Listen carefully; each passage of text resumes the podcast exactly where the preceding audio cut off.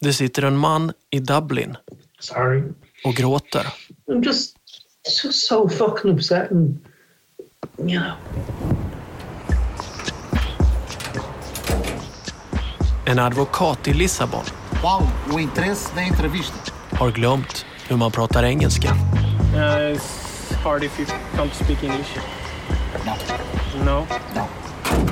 En före detta ambassadör Nej, men alltså det är mycket konspirationsteorier här. Jag kan säga att jag har eh, helt rent samvete. tycker inte om det hon får höra. Jag har eh, inte gett Miranda några som helst eh, order eller sagt till vad han ska göra. Det har jag ingen befogenhet till helt enkelt.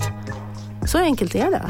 En ledamot i Kungliga Vetenskapsakademin Det, det, är alltså, det är en, en, är tveksam. jag, jag vet inte, jag tycker det låter lite äventyrligt. Ja, det är det. Ja, Och i Nice funderar en pensionerad försäljningschef Alltså man tänker ju så här att på vad han kunnat göra annorlunda. skulle man kunna gjort mer så att eh, det hade varit ett stort åtagande. Och då kan man ju, då kan man ju kämpa med sig själv. Jag skulle jag ha tagit det åtagandet? Skulle jag ha gjort det?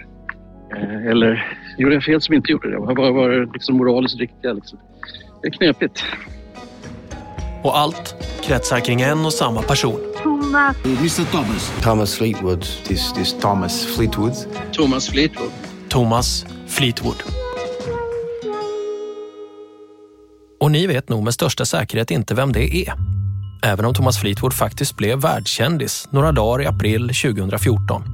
Das Wunder von podcasten, de hade honom på första sidan i, i Australien. Men egentligen är Thomas Fleetwood inte någon person som man som svensk poddlyssnare bör känna till. Ändå kommer jag ägna sex avsnitt åt honom och historien kring vad han råkat ut för. Och jag gör det främst för att det är en extraordinär historia. Det är, det är en bra story det är det ju. Men också för att jag och min vän och kollega Martin Jonsson alltid velat röra på oss. Ända sedan vi drog igång Spår 2015 så har vi drivits av att vi vill förändra vad och hur man berättar i ljud. Då retade vi oss på att podd blivit synonymt med två sköna snubbar i en studio. Åh, tjej!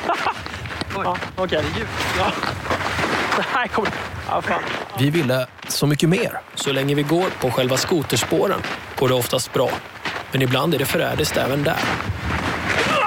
Vi ville visa att berättande kan ske i miljö, med intervjuer, spännande musik, genomarbetade klipp och avsnitt.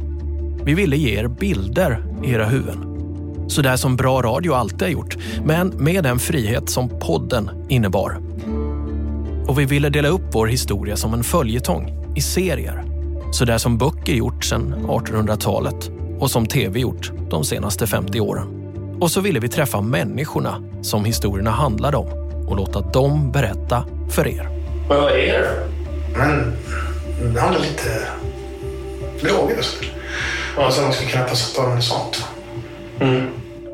Så friheten vi kände gav oss idéerna som blev till podden Spår. Men alltså jag tycker det, det där tillhör väl det som fan inte är väsentligt.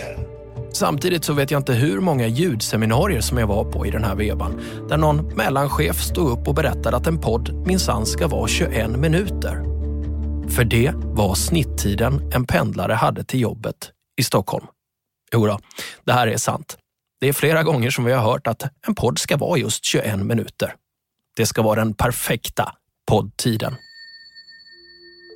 Så trots att podden äntligen möjliggjorde att vi lämnade tablåradio med 57 minuter mellan 3 minuter eko som ram, ja, nu kunde vi äntligen berätta en historia exakt så lång eller så kort som den borde vara.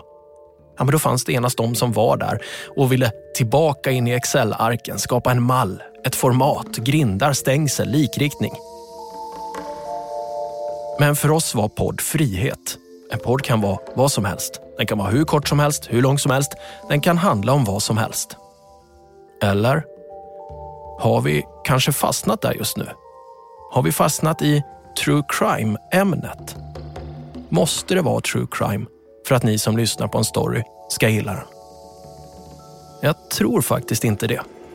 Så den här gången så ber jag er lyssna med ett väldigt öppet sinne. För det här är helt enkelt en historia om en gammal man. Och det är en historia som jag inte kunnat sluta tänka på sen första gången jag hörde den för snart två år sedan. Det är en äventyrlig historia om en ensam människa som råkar riktigt illa ut och blir offer för rovgiriga intressen. Men framför allt så är det ett levnadsöde som jag kommer teckna. För jag tror faktiskt att tiden är mogen för det. Att även levnadsöden kan bli en podd. För när allting kommer omkring så har du ju lyssnat ända hit. Och då är ju tiden mogen för en helt ny slags trailer. En där det personliga berättandet redan börjat och resten av historien nu väntar, bara en vecka bort. Thomas Fleetwood. En hisnande historia längs Europas barer och bakgator.